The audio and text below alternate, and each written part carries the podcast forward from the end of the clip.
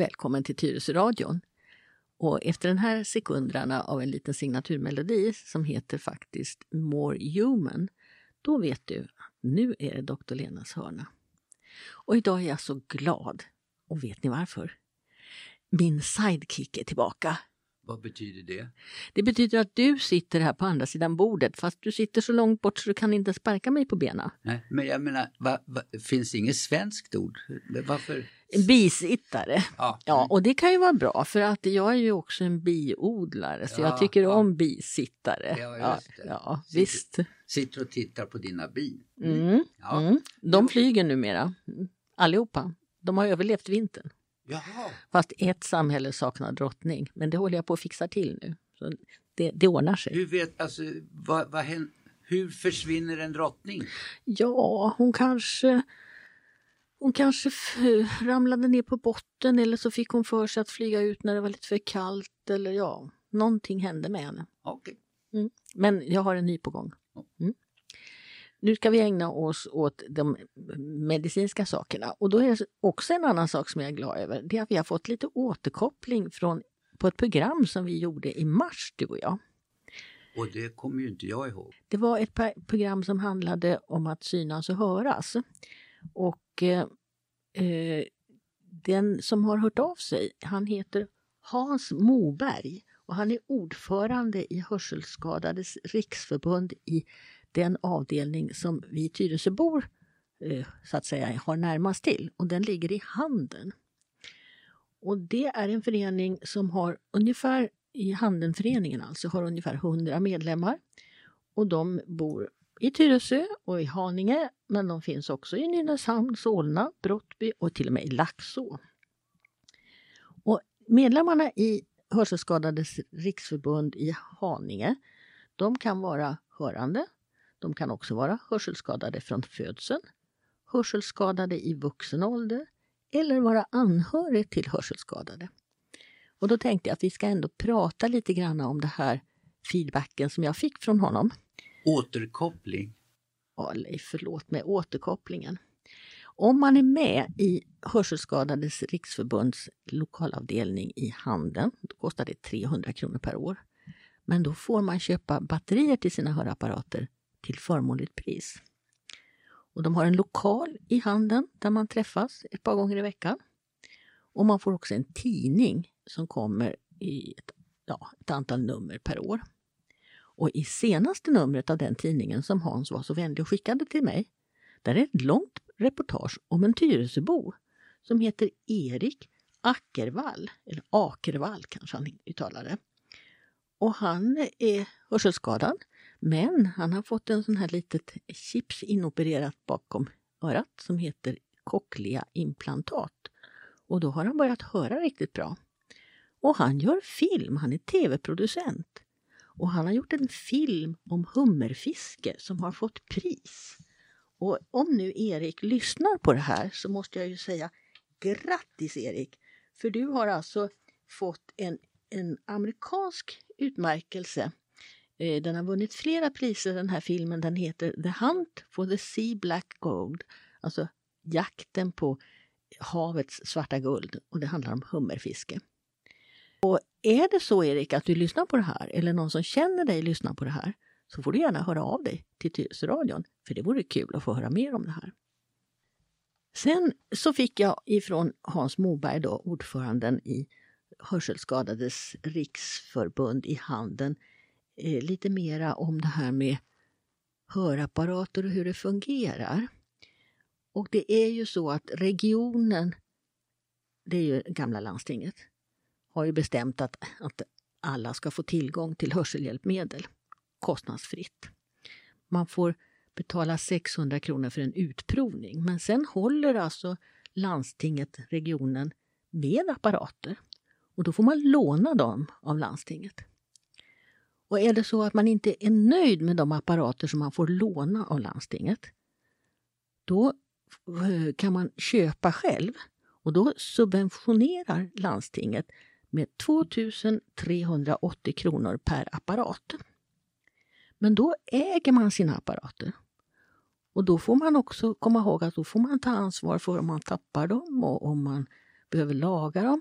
Har man lånat den av landstinget, då kan man få en ny om man tappar. Och man kan också få eh, eh reparationer gratis. Så att man ska tänka sig lite för eh, när man väljer sin hörapparat. Vem man är, vad man ska ha den till, hur mycket krav man ställer på den. De nyaste, senaste hörapparaterna pratade vi om i det här programmet vi gjorde. Så det tycker jag inte vi behöver göra något mer. Det som vi eh, inte pratade om i det programmet, det var att kommunen här, Tyresö kommun, har en speciell person som är en hörselinstruktör. Han är alltså inte audionom, han provar inte ut hörapparater. Men om de krånglar och om de, det inte riktigt fungerar hemma som man hoppas att det skulle göra, så kan man ta kontakt med honom och då kommer han också gratis hem och hjälper en med det här hörselhjälpmedlet. Och han heter Rickard Lundby och honom får man tag på via kommunens hemsida. Eller servicecenter förstås. Ja, har du några frågor om det här med hörapparater? Ja, jag tänker du pratade om det där chippet som hade ett konstigt namn. Då, då sitter det alltså ja, mot skall, du, skallbenet eller bakom örat på något sätt? Ja, det är inopererat i, i eh, ja. det området där man har hörselnerven. Mm. Men jag tänker också för mig då så är en hörselhjälpmedel någonting man trycker in i, i örongången, heter det så? Ja. ja.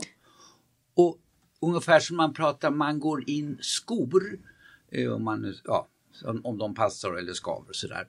Det är lite dum liknelse, men äh, hur vet man, alltså behöver man gå in hörselapparaten eller vet man att den passar? Eller kan den börja bli opassande efter en vecka eller två?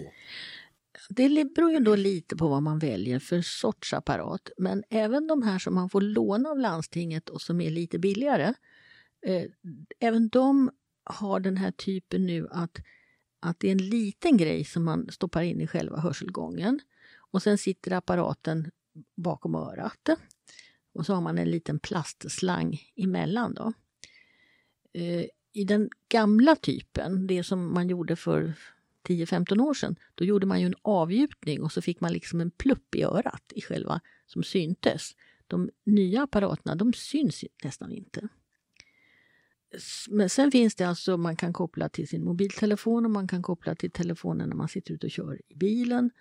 Och, och det finns väldigt mycket mm, tekniska avancerade lösningar. Men, men man ska som sagt tänka sig för lite. Behöver man det? Och man, kan man betala för det? Och har man betalat för det så äger man det, så då ska man också se till att ens hemförsäkring täcker ifall man skulle tappa den där lilla grejen. Varför ska man ha, ha hörselhjälpmedlet i telefonen? Jo, när det ringer på mobiltelefonen ja. så går det direkt in i öronen. Eh, min man har hörapparater och när det ringer på hans telefon då hör inte jag att det ringer, men han hör det. Ja. Men det finns ju olika modeller på telefoner. Alltså... Ja, då, då handlar det om att man har lite modernare telefoner och att de har det som kallas för Bluetooth. Alltså att de trådlöst kan skicka signalen in till hörapparaterna. Och så när man köper en sån hörapparat då ställer audionomen in det så att det passar ihop. Ja. Eh, men vill man veta mer så kan man också vända sig då till eh, Hans Moberg i Hörselskadades riksförbund i Handen. Ska vi lämna det där med? Ja, då jag, jag hör vad du säger. Då trycker jag på en liten snutt. Så där gör vi på Tyresöradion ibland när vi vill byta ämne så att man vet att nu går vi över till någonting annat. Ja, Leif, vad ska vi prata om nu då? Jag har några frågor eh, ja, om det här, naturligtvis då corona. Eh, det finns virus och eh, bakterier och jag har också hört bacill. Alltså, vad är det för skillnad på ett virus och en bakterie och en bacill? Om vi börjar med virusarna så är de jätte, jätte, jätte, jättesmå. Och de är så små så att man upptäckte dem inte förrän man började ana i slutet på 1800-talet att det måste finnas någonting som man inte kunde se, som smittade. Men det var inte förrän på 1930-talet när man uppfann elektronmikroskop som man faktiskt kunde se virus. Eh, en bakterie, den är mycket, mycket, mycket, mycket större. Den är nästan hundra gånger större. Och de kunde man se tidigt i mikroskop. Redan på, i slutet på 1600-talet så hittade man att man kunde titta på bakterier i, i ja, det var blodprov då som man kunde titta på. Så det, det är stor skillnad på de här. En bakterie det är en encellig organism. Den har en egen ämnesomsättning. Det är något slags, kan man säga, le, det är en levande varelse på något sätt? Ja. Den, Men är, den har ingen hjärna eller någonting Nej. sånt? Nej. men den har ett skal och den har eh, olika egenskaper som den kan dela med sig av till andra bakterier som till och med inte är av samma sort. Den kan byta egenskaper med andra bakterier. Så att den har ändå en viss, det är en viss avancerad sak. Allra första livet på den här planeten, det var bakterier. Och det finns bakterier precis överallt. Det finns bakterier i havsdjupen. Det finns bakterier eh, i mörka utrymmen. Det finns bakterier i radioaktiva områden, i jordskorpan, det finns eh, i färskvatten till exempel. Eh, man räknar med att det finns en, en miljon bakterier i en milliliter färskvatten. En miljon på en milliliter. Och det dricker vi ju hela tiden. Så att om man säger att i, om man tar ett, ett gram jord, ett gram är inte mycket. Där finns det 40 miljoner bakterier. Så bakterier finns precis överallt. På vår hud? Ja, oh ja, massor. Och i, i, i, i människan så säger man att det finns fler bakterier än vad det finns celler. Och det är mycket. Och de här bakterierna måste vi ha. Snälla bakterier för att må bra. Virus finns inte normalt i människan. Det kan finnas vilande, sovande virus. Eh, men det är inte, det är inte normalt heller egentligen att ha, ha sådana saker heller. Eh, virusarna, de har ingen egen metabolism Ämnesomsättning? Utan de är beroende av att ta sig in i en cell. Och de har alltså utvecklat ett system att liksom parasitera på människoceller. En bakterie den lever bredvid människocellerna. Och en bakterie då som är stor, den eh, kan bilda gift som påverkar människocellen. Och bakterier kan röra sig runt omkring i, i kroppen. Men ett, ett virus är helt beroende av att kunna komma in i en människocell. Och där, där sätter den igång att lura människocellen att bilda nya virus. Och det betyder att får man in virus i kroppen, då ökar virusproduktionen väldigt snabbt. Om man får in bakterier i kroppen som man inte ska ha där, då tar det ändå ganska förhållandevis lång tid innan, innan man blir sjuk av bakterien. Men virus kan man då bli ganska snabbt sjuk av. Kan man säga att ett virus egentligen bara är en kemikalieboll, en molekyl? Alltså det, och, och så att det blir, den kan fixa till kemiska reaktioner inne i kroppen. Ja, den lurar kroppen att bilda nya virus. Ja. Och, och när, när eh, människocellen då har bildat lite nya virus, då släpps de ut igen och så går de in i nästa cell och så bildar de nya virus där. Så att det är en väldigt stor skillnad. Eh, kroppen försöker försvara sig. Eh, när det gäller bakterier så har vi speciella celler i blodet som liksom käkar upp bakterierna. Och eh, vi har det som man nu pratar mycket om. Vi har en förmåga att bilda antikroppar som så att säga låser till, dödar den här inkräktaren. Och det finns antikroppar både mot bakterier och mot virus. Ehm, och vår kropp är ju under alla årmiljonerna anpassad framförallt till bakterier men även till virus. Problemet nu på bakteriefronten det är att vi har använt så mycket antibiotika så att många bakterier har blivit motståndskraftiga mot antibiotika. när man säger resistenta bakterier. Ja. Och det är just det här att de kan byta egenskaper med varann. Så att om bakterien A är resistent så kan den överföra sin här till en, en bakterie K som av en helt annan sort. Så det här är ett problem. När det gäller virusarna, då är de, de är också listiga för de ändrar sig, de muterar. Och det skydd som vi då har genom att vi bildar antikroppar, det kanske inte fungerar lika bra mot nästa mutation. Och det där ser man ju tydligt på influensavirus där vi tar nya sprutor varje år. Därför att man räknar med att influensaviruset har ändrats så mycket under ett år så att det skydd man fick genom sin influensaspruta i, i då runt, ja det brukar vara november man börjar in, eh, vaccinera mot influensa. Det räcker inte, eller det, det, är inte, det är inte, det passar inte för nästa års influensa. Vad är det då för skillnad mellan då, eh, alltså penicillin som då bekämpar infektioner och vaccin som biter det bara på virus? Eller? Nej, det finns vacciner mot bakterier också. Penicillin är ett läkemedel. Det är ett kemiskt ämne som är konstruerat så att det förstör vissa bakterier.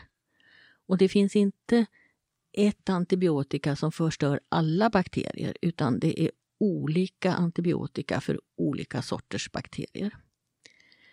Vaccin finns det mot eh, bland annat luftvägspneumokocker. Eh, Och när man får sitt vaccin mot influensaviruset så blir man ibland erbjuden vaccin mot pneumokockbakterien. Sen finns det också eh, andra bakterier som man har utvecklat vaccin mot. Och vaccin, det är alltså så att då har man eh, sett till att man har sprutat in lite grann av eh, den här, mikroorganismen, av, av viruset eller av bakterien. Inte så mycket så att man blir sjuk av det, men tillräckligt för att kroppen ska känna igen och börja bilda antikroppar. Så att nästa gång man stöter på det här viruset eller den här bakterien, då ska man inte bli sjuk av det. Så att, det här, de här vaccinen som vi nu, jag tänker nu mot Corona, eh, de är alltså det är egentligen corona vi får i sprutan eller hur ska jag ja, ett, ja, en liten del av coronaviruset. Vi får inte ett helt virus, då skulle vi bli sjuka, utan vi får vissa, vissa delar av det. Men tillräckligt mycket för att eh, kroppen ska känna igen det här och eh, skapa sig ett, ett försvar. Och vi har ju alltså vaccinerat nu ända sedan eh, början av, ja, det var egentligen faktiskt slutet av 1700-talet som man började vaccinera. Kan, har, kan du historien om det? Nej, men jag blev lite bara förvånad eftersom man inte kunde se dem. Alltså vaccinera mot bakterier då, inte mm. virus. Ja, nej, mm. ja. Och vilken var den värsta bakterien på slutet av 1700-talet? spetälska, är det någon? Nej? Ja, det, den hör till bakterierna men man hade inget vaccin mot den. Nej, det var något annat som var fruktansvärt dödligt. Har du hört talas om smittkoppor? Ja, allt blir mycket enklare när du säger. Ja, ja visst. Smittkoppor dödade ju i princip ja, 30 till 50 procent räknar man med eh, dog och de som överlevde blev väldigt illa åtgångna i skinnet. Eh, kolera då, är det något gammalt eller är det en ny uppfinning? Ja, det är också en bakterie eh, och den eh, har, finns det nu ett vaccin som man dricker emot. Men det har kommit under, vaccinet kom under 1900-talet. Ja. Men om vi går tillbaka till smittkopporna så var det en engelsk jag är inte säker på om han var veterinär eller om han var läkare. På den tiden kanske man hade någon gemensam sorts medicinman för djur och människor. Men han var, han, han var duktig på att observera, så han såg att mjölkerskorna som kom i kontakt med kor som hade en liknande sjukdom som heter kokoppor, de fick inte smittkoppor. Och det här vart han lite, han vart lite nyfiken på det här. Varför fick inte mjölkerskor som hade mjölkade kor med kokoppor, varför fick inte de sjukdomen smittkoppor? Och då började han testa lite grann. Han tog lite eh, kladd ifrån kokoppor och smetade på huden, in, stack, rispade lite på människor. Och då visade det sig att han överförde någonting som gjorde att det, de, de som blev, fick hans den här han, han, gjorde, han skrapade liksom på huden, sprutade under huden lite. De fick inte smittkoppor heller sen. Och det var, det var det första. Och eftersom kokoppssjukdomen hade fått det latinska namnet vaccinia så började den här metoden att överföra något till människor för att skydda dem började kallas för vaccinering. Smittkoppor heter variola. Och numera är ju smittkoppor utrotat. 1980 bestämde WHO att smittkoppor är utrotat, tack och lov. Världshälsoorganisationen. Ja. ja. Mm. Vet du om att man har utrotat flera sjukdomar? Ja, i olika delar av världen. Pratar man inte om TBC är borta i, från Sverige i alla fall? Ja, nästan. Det är så pass borta som man har slutat att vaccinera mot TBC. Det slutade man på 1974. Eh, men polio anser man ju nu är i stort sett utrotat. Och det, polio är ett virus, eh, TBC är en bakterie. Ehm, och det finns ju ganska många, eh, framförallt virusar som vi de senare åren har hittat och uppfunnit eh, vaccin mot. E, och det som var allra nyast nu innan den här förfärliga pandemin drabbade oss, det var ju vaccin mot hepatit C som är ett, virus som skadar levern väldigt illa. Apropå då nu för tiden då med Corona så pratar vi om eh, det här med handsprit och sånt för att ja, desinficera eller vad det nu gör för någonting på händerna. Då slår det mig att det en gång i tiden så hängde Österrike och Ungern ihop. Och där var det en, en man, eh, läkare också, som såg att kvin, på kvinnokliniker eh, och där man inte skötte hygienen. Eh, ja, om det nu gick ut över fostret eller inte, men alltså blev smittad av någonting. Alltså. Så att han, han införde då hygienrutiner på mm. BB. Semmelweis eller något ja. sånt hette han. Semmelweis, han är en av mina stora idoler. Eh, det var lite synd om Semmelweis för han blev så oerhört mobbad. Han krävde inte bara att han sa att ni måste utan han, han, han gick fullständigt i spinn över det här och han tvingade barnmorskor och framförallt sina läkarkollegor att, att rengöra sina händer och inte bara med, med tvål eller sprit utan han använde eh, en klorblandning som nog var ganska stark för händerna. Så han var eh, Kont ja, kontroversiell. mycket och han blev hårt mobbad men så småningom så fick han ju rätt. Ja, det slog mig bara utifrån mm. det här med hygien ja. och, och, och renlighet. Och det var en bakterie som hette streptokocker som man, man gick direkt från obduktionslokalerna över till förlossningen och förlöste i, man hade inga vita rockar eller någonting sånt utan man hade sin svarta frack eh, som var blodig från det ena stället och så gick man till nästa. Det var oerhört snuskigt. Eh, men Semmelweis fattade, insåg att det fanns en, ett samband här. Eh, så att han är, han är en mycket stor person. Mm. Vad roligt att du nämner honom. Ja, men det var ju, de var ju stolt nu, alltså pratar man ju stolt om hur kunnig man var på den tiden och det var en österrikare eller österrikare ungrare då. då. Mm. Så den historien fick jag höra många gånger. Mm. Eh, men nu kom jag på också det här, jag, vi, vi pratar ju också om basil men du pratar ingenting om basiller. Nej, eh, både virusar och bakterier har väldigt många olika former. Eh, vi har ju lärt oss nu att corona har den här små trumpeterna på utsidan. På bakteriesidan, där man tittade då i vanliga mikroskop på 1800-talet och, och början av 1900-talet så skilde man på runda, de kallades för kocker, och eh, de stavformiga, de kallades för, eh, ibland för basiller. Och det där är ett gammalt namn för stavformiga bakterier och det använder vi inte längre. Det, det, i, idag försöker vi istället namnge de stavformiga eh, efter vad det är för sorts bakterie. Vi, vi har ju lärt oss så mycket mer så att vi behöver inte hålla på och kolla om de är runda eller avlånga längre. Det finns också de som är spiralformade och det finns de som har små svansar så att de kan röra sig och det finns eh, Ja, du sa, du sa spetälska, det är en, det är en spiroket kallas den för då, den är lite, lite snurrad. Så att det här är en hel vetenskap för sig hur, hur de här mikroorganismerna ser ut och att man kan känna igen dem i mikroskop och där just nu de här elektronmikroskopen har, har ju betytt mycket.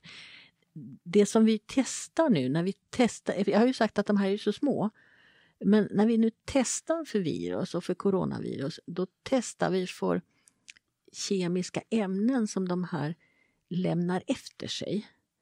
Så vi, vi ser alltså spåren av eh, viruset. Vi ser inte egentligen viruset i sig, men vi, vi med olika metoder så kan vi se spåren av, av viruset. Vad viruset har ställt till med? Ja, och vad det har lämnat efter sig. Ja. Mm. Proteiner som det lämnar efter sig. Och, och är, det, är det de här proteinerna då vi vill bekämpa? Eller? Nej, det, det, det, det är testen, det är tecknet på att vi har sjukdomen. Ja. Eller, eller att vi har haft sjukdomen. Då. Och det, är där det finns lite olika och att man säger att de här snabbtesterna är bra men de kanske inte är riktigt lika bra som det som kallas för PCR-test. Då. Och vad, PCR, vad är det? Nu satte du mig på pottkanten, det kommer jag inte ihåg. Nej, vi. Ja, Ja. det heter så. Det heter så. Mm. Okej. Mm. Men de är lite mer tillförlitliga. Eh, Ni som bor här i Tyresö, om ni någon gång kör bil på eftermiddagen vid mellan ett och två tiden gamla Tyresövägen längs Flatenbadet, då kanske ni som jag har blivit alldeles förbluffade över de hundratals taxibilarna som stannar där. Har du sett dem Leif? Nej. Nej. De lämnar plastlådor vidare till en uppsamling och det är förmodligen är det väl, jag har inte stannat och frågat, men det är många taxibilar. Man kan bli sittande i kö där och de lämnar plastlådor vidare till transport in till det sannolikt laboratoriet. Då. Så det är många som testas. Och det är bra att vi testar många nu, men det, man blir lite skratt åt den här logistiken. Ja. Ja. Vill ni se taxibilar så kan ni åka till Flatenbadet på eftermiddagen. Ja. Ja, det var ett klart sidospår. Nu kanske vi ska börja avrunda det här programmet, Leif. ja, det är du som styr. Ja, och jag sitter här med ögonen på klockan för jag, jag, har, jag har ju som princip att de ska inte bli så långa så man inte kan lyssna på dem. Men, Eller somna till dem. ja, men det får man göra. Det, det bjuder vi på som Ja. sömnpiller här på Tyresöradion. Mm. Ska vi avsluta här nu då? Och så lägger vi på vår signaturmelodi. Och du har lyssnat på Leif Bratt. Åh, jag är så glad att du är tillbaka Leif.